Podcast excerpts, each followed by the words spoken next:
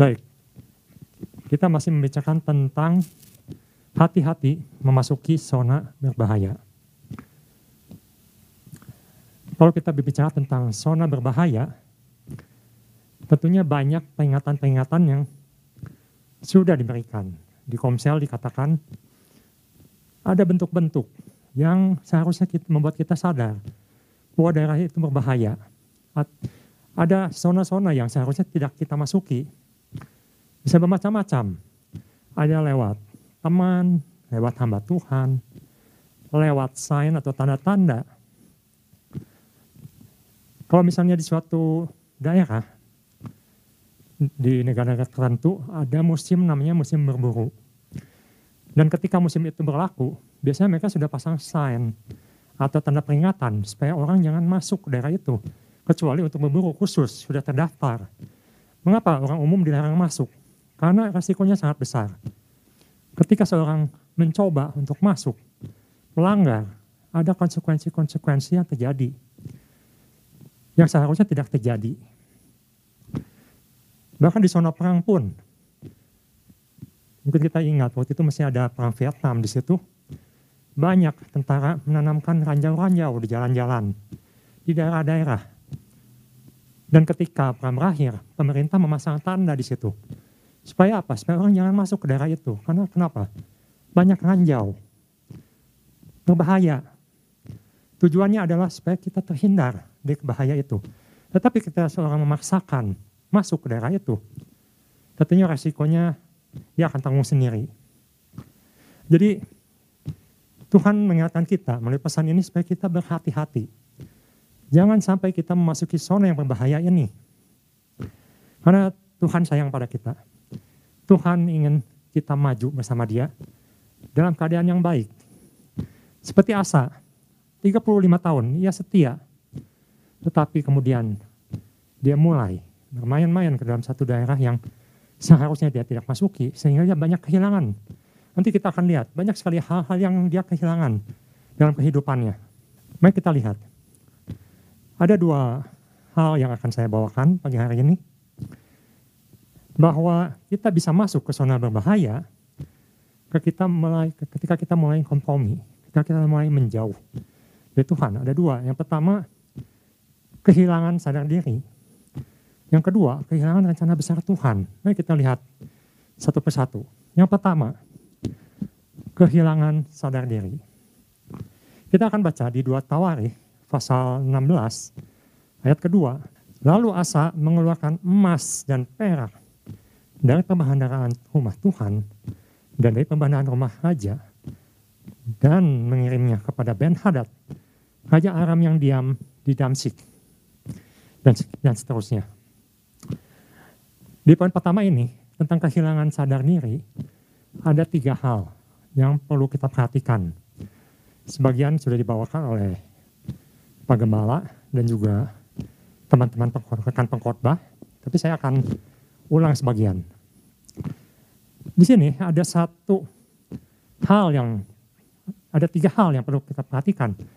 Yang pertama, ini mengenai jangan mulai mengambil otoritas Tuhan. Dalam hal apa?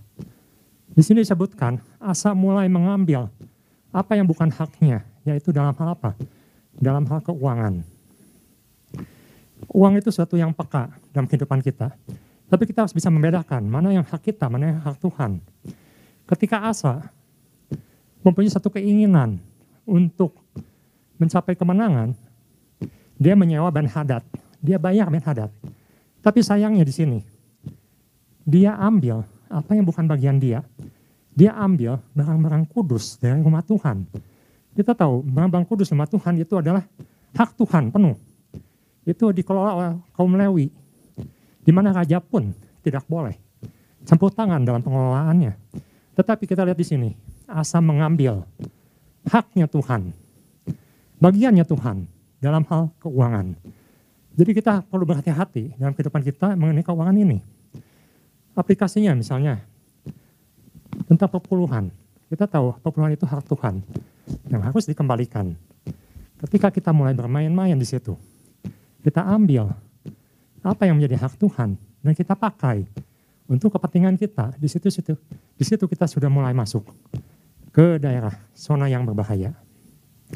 Coba kita lihat di 2 Tawari pasal 15 ayat 18. Di situ dikatakan ketika Asa masih setia melakukan perintah Tuhan, dia bahkan dikatakan di sini Asa atau ia membawa persembahan-persembahan kudus ayahnya dan persembahan-persembahan kudusnya sendiri ke rumah Allah, yakni emas dan perak serta barang-barang lain.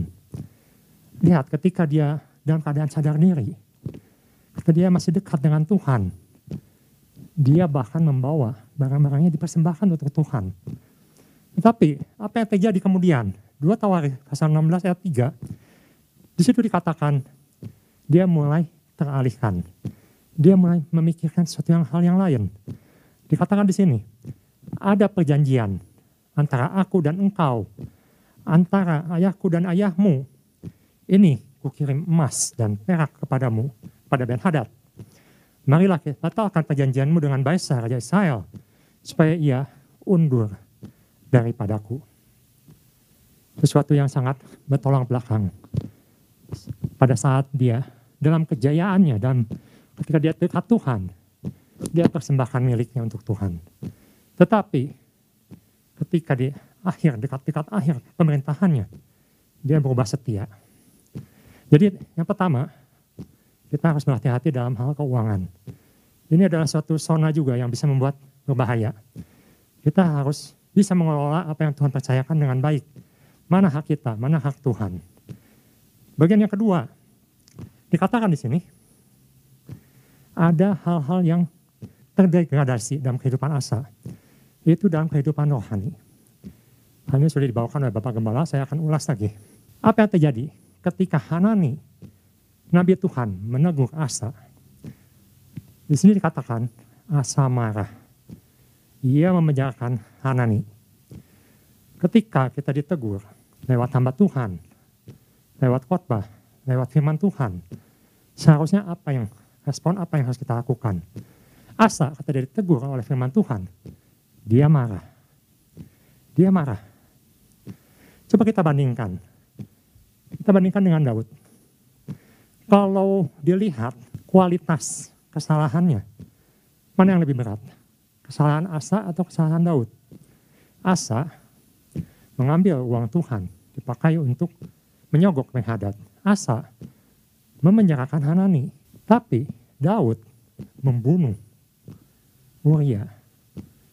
Kalau kita lihat sekilas, Daud membuat dosa yang lebih besar, lebih jahat. Ya, saya tidak mengatakan Asa tidak melakukan sesuatu yang jahat di mata Tuhan. Sama-sama melakukan dosa. Tetapi responnya, kita lihat apa yang dilakukan Daud. Ketika Nathan menegur Daud, Daud langsung tersungkur, langsung bertobat. Dia langsung mengoyakkan jubahnya, menyimpan abu di kepalanya. Menunjukkan dia bertobat. Dia mendengar teguran Tuhan. Dia bertobat. Beda sekali dengan Asa. Asa marah. Asa sudah tidak melihat lagi siapa yang menegur dia. Dia penjarakan. Tetapi lucu juga ya, kita perhatikan nih pasal ke-15. Di situ juga pernah ada satu orang nabi Tuhan yang datang pada Asa dan dia mendengarkan apa yang dikatakan Nabi Tuhan itu? Coba kita lihat di pasal 15 ayat 8. Itu katakan, ketika Asa mendengar perkataan nubuat yang diucapkan oleh Nabi Asarya bin Odet, itu ia menguatkan hatinya dan menyingkirkan dewa-dewa kejijikan dan selanjutnya. Dia pernah mendengarkan suara Nabi Tuhan. Dia pernah mendengarkan suara Tuhan. Tetapi sekarang dia mulai berubah. Berubah. Itu yang tidak Tuhan kehendaki berubah, berubah setia. Nathan ketika menegur Daud, itu keras sekali.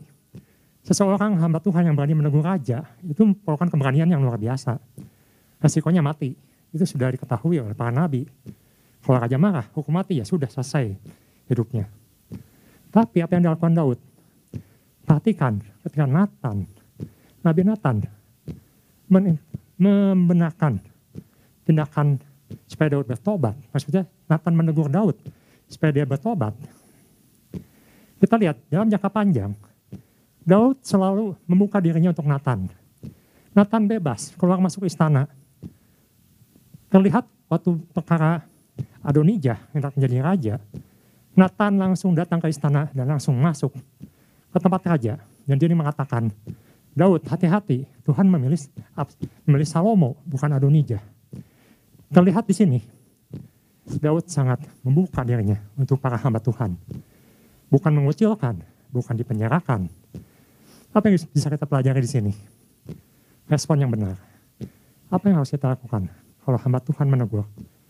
Ketika Bapak Gembala menegur, ketika firman Tuhan menegur, kita harus belajar dari Daud. Belajar untuk merendahkan diri dan menerima dan memperbaiki sikap kita. Yang kedua. Jadi pertama tadi soal keuangan. Yang kedua soal rohani. Yang ketiga tentang hubungan, relationship dengan Tuhan. Di dua Tawari, pasal 16 ayat 12 dikatakan, pada tahun ke-39 pemerintahannya Asa, menderita sakit pada kakinya, yang kemudian menjadi semakin parah.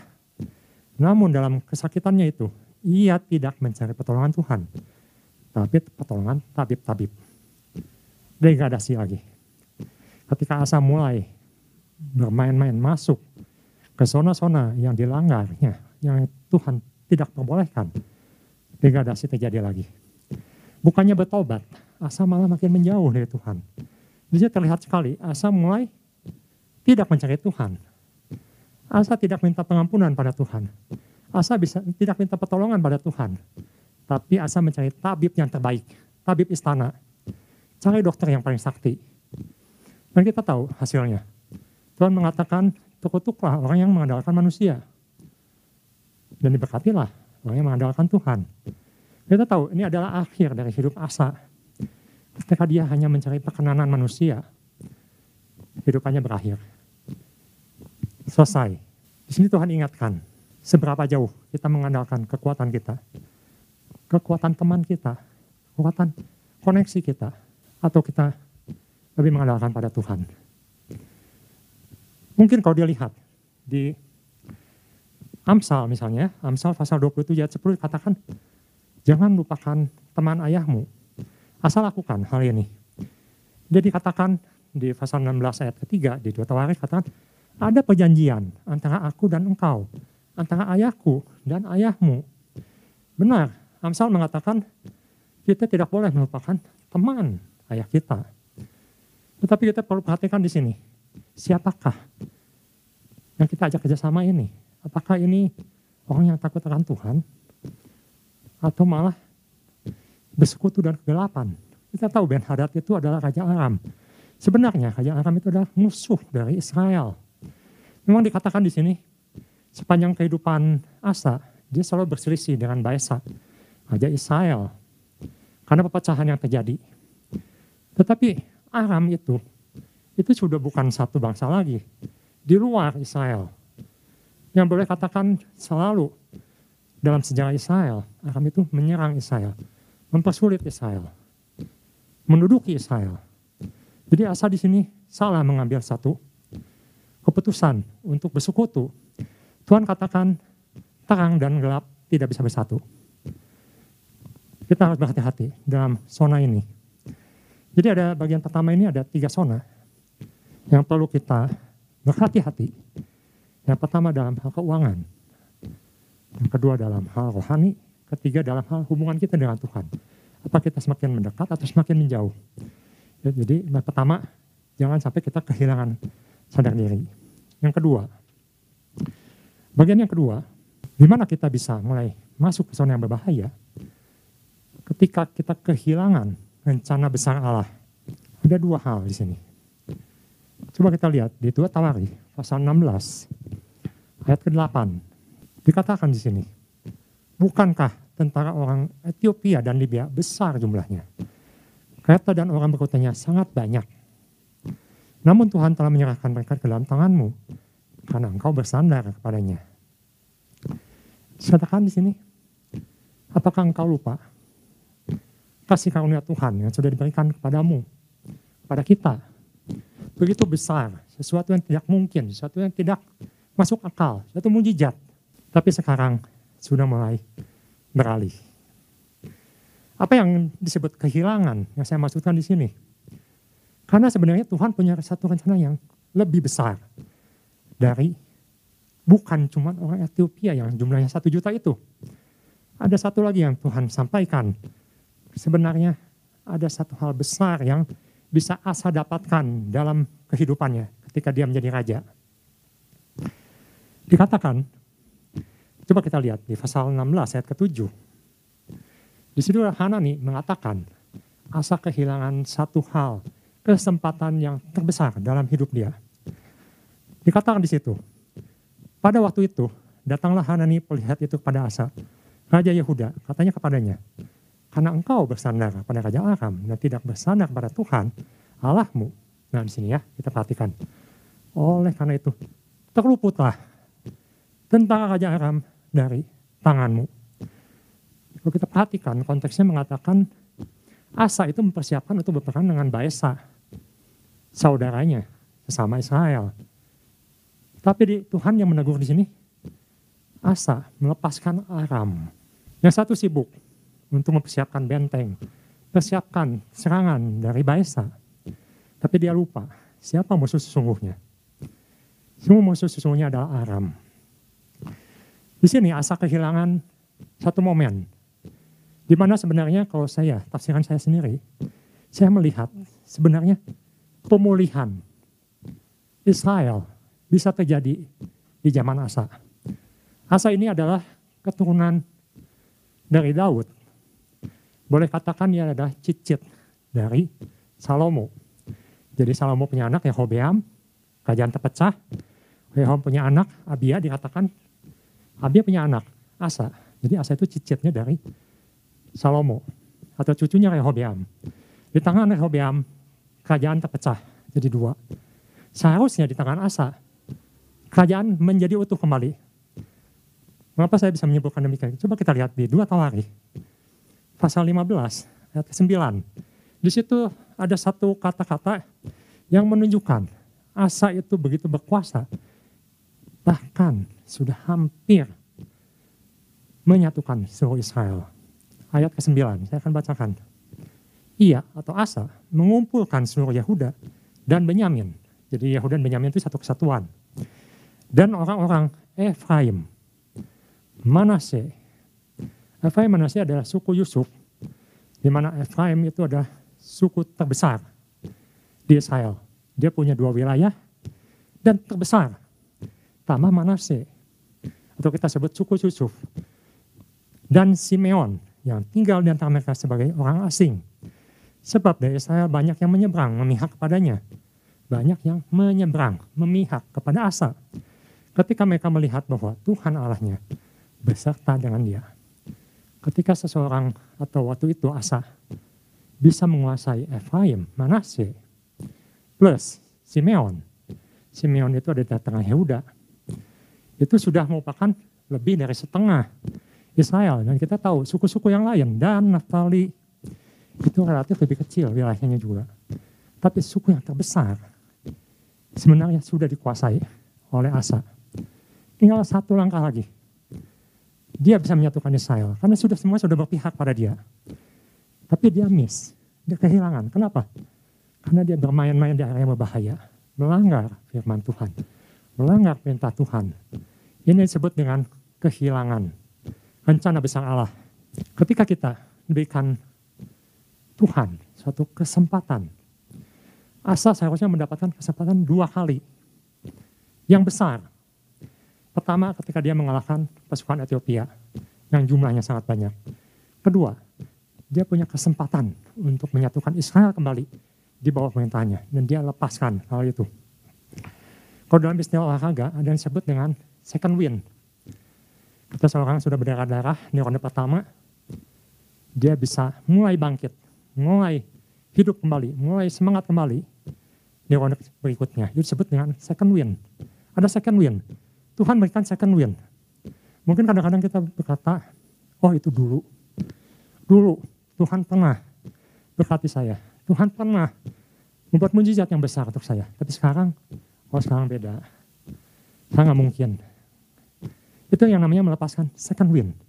Padahal Tuhan akan memberikan mungkin banyak, mungkin bukan dua kali, mungkin tiga kali, mungkin empat kali sesuatu yang besar dalam hidup kita. Coba kita perhatikan di dua raja-raja, pasal 13, ayat 18. Ayat 18. Ya, dikatakan di situ, ada satu raja, dia datang kepada Elisa. Elisa dalam keadaan sekarat, sudah akan sudah hampir mati. Dia minta tolong, tolong, tolong. Sebelum kau mati, dia minta berkat Tuhan.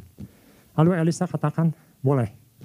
Coba ambil panah dan busur dan lepaskan. Atau dipukulkan. Dan raja ini memukulnya tiga kali. Saya akan bacakan. Sudah itu berkatalah ia, ambillah anak-anak panah itu. Lalu diambilnya. Setelah diambilnya berkatalah Elisa pada Raja Israel, pukulkanlah itu ke tanah. Lalu dipukulkannya tiga kali. Kemudian ia berhenti. Kita tahu nanti ibu bapak bisa baca cerita selanjutnya. Tiga kali ini menunjukkan raja ini akan menang tiga kali. Tapi Elisa mengatakan di sini, kamu cuma pukul tiga kali saja. Sayang gitu. Coba kalau kamu pukul lebih banyak, empat kali, lima kali, enam kali, sepuluh kali. Itu jumlah kemenangan yang akan diperoleh. Artinya apa?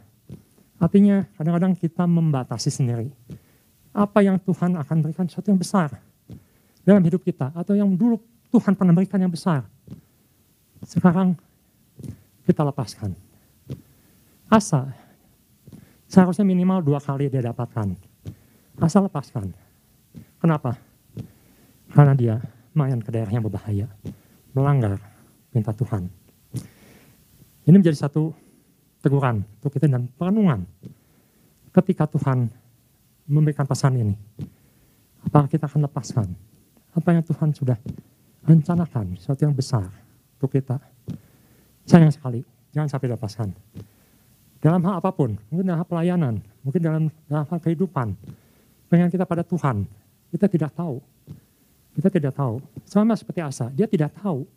Tuhan punya rencana yang besar. Tapi yang jelas, Tuhan ingatkan, jangan menyentuh daerah yang berbahaya. Karena ada rencana Tuhan yang besar. Rencana Tuhan untuk Asa adalah menguasai Aram, mengalahkan Aram. Aram dikalahkan, Israel dimenangkan. Tapi itu semua hilang. Bagian kedua, kita akan lihat di dua Tawarikh. Pasal 16 ayat 9. Ada satu lagi yang Asa lepaskan. Yaitu apa? Hilangnya kekuatan Allah dalam hidupnya. Di situ dikatakan, Hanani mengatakan, karena mata Tuhan menjelajah seluruh bumi untuk melimpahkan kekuatannya kepada mereka yang bersungguh hati terhadap dia. Dalam hal ini, engkau telah berlaku bodoh. Oleh sebab itu, mulai sekarang engkau akan mengalami peperangan. Dikatakan sini, mata Tuhan menjelajah kepada seluruh bumi untuk mencari orang-orang. Untuk apa? Untuk melimpahkan kekuatannya kepada mereka yang bersungguh hati. Kepada orang yang bersungguh hati. Asa melepaskan hal ini. Dia melepaskan keyakinannya pada Tuhan. Dia mulai bersandar pada kekuatannya sendiri. Mulai bersandar pada kekuatannya Ben Hadad. Musuh orang Israel. Dan Tuhan katakan, bukankah sebenarnya seharusnya Asa mendapatkan kekuatan Tuhan di saat ini. Bukan kekuatan Ben Hadad. Ini juga mengingatkan kita. Jangan-jangan kita juga nanti kehilangan kalau kita tidak berhati-hati. Yang Tuhan katakan, Tuhan akan melimpahkan kekuatannya pada kita. Dalam hidup kita, dalam pekerjaan kita. Dan ini bisa hilang kalau kita tidak berhati-hati. Kalau kita mulai menyentuh area-area yang berbahaya. Satu teguran yang sangat keras dan juga ada satu janji di dalamnya. Saya melihat di sini bahwa hilangnya kekuatan Allah dalam kehidupan orang-orang percaya ini mungkin sudah sering sekali terjadi. Contoh, ketika seorang bermain-main dengan jodohnya. Apa yang terjadi? Satu negara bisa hilang. Contoh, saya pernah baca mengenai Mesir, mengenai Turki.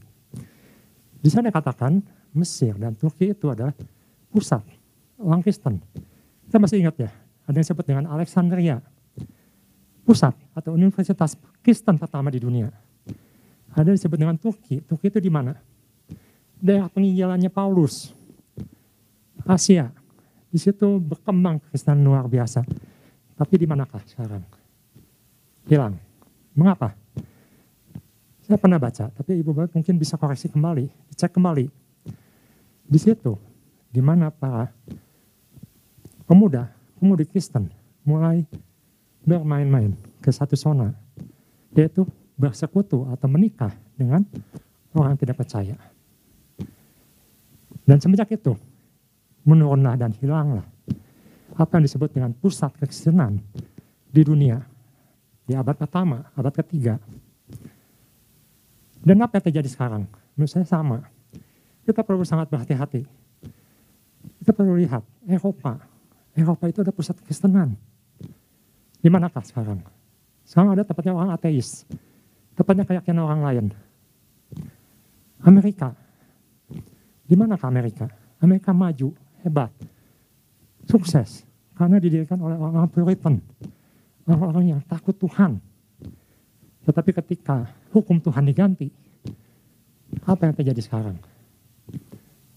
Sama, jadi ateis.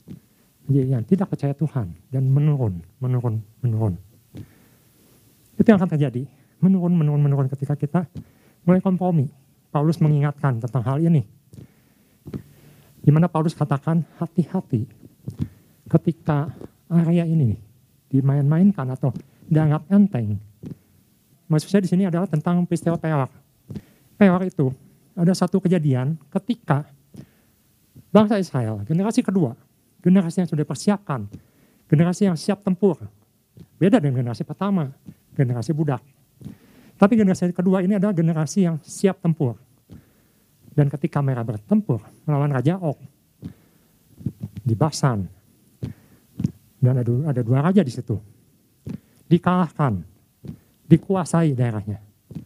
Lalu musuh membuat satu strategi, bagaimana menjatuhkan orang Israel ini. Apa yang dilakukan? Mereka berikan wanita-wanita cantik. Dan bersinahlah mereka di sana. Dikatakan di sana, Paulus mengatakan 23 ribu orang mati saat itu karena bersinah. Dan dikatakan itu adalah peristiwa peor yang digagas oleh Bileam idenya. 23 ribu orang. Kita pengen mengatakan kurang lebih 25 ribu orang mati di tempat itu. Mengapa? Karena peristiwa ini peristiwa karena mereka bermain-main, mulai menyembah Baal, mulai berzinah dengan wanita-wanita Moab dan Amon. Jadi ini ada satu yang penting untuk kita perhatikan dan kita sampaikan pada anak-anak kita juga. Bermain-main dalam hal ini akan membawa kejatuhan. Akan membuat hilangnya kekuatan Allah dalam hidup kita. Kita di tahun yang baru, visi yang baru, mengatakan seorang prajurit harus bisa memandang jauh ke depan. Dan Tuhan sudah ingatkan hari ini. Jadi, yang pertama, kita harus sadar diri. Ada tiga area di situ ya. Keuangan, rohani, dan hubungan kita dengan Tuhan. Kita harus jaga terus. Dan kita jangan sampai kehilangan rencana besar Allah ada rencana besar dalam kehidupan kita. Dan jangan sampai hilang. Kekuatan Allah itu jangan apa? Jaga. Berikan, sampaikan kepada generasi selanjutnya. Sekian firman Tuhan, ya Tuhan Yesus memberkati.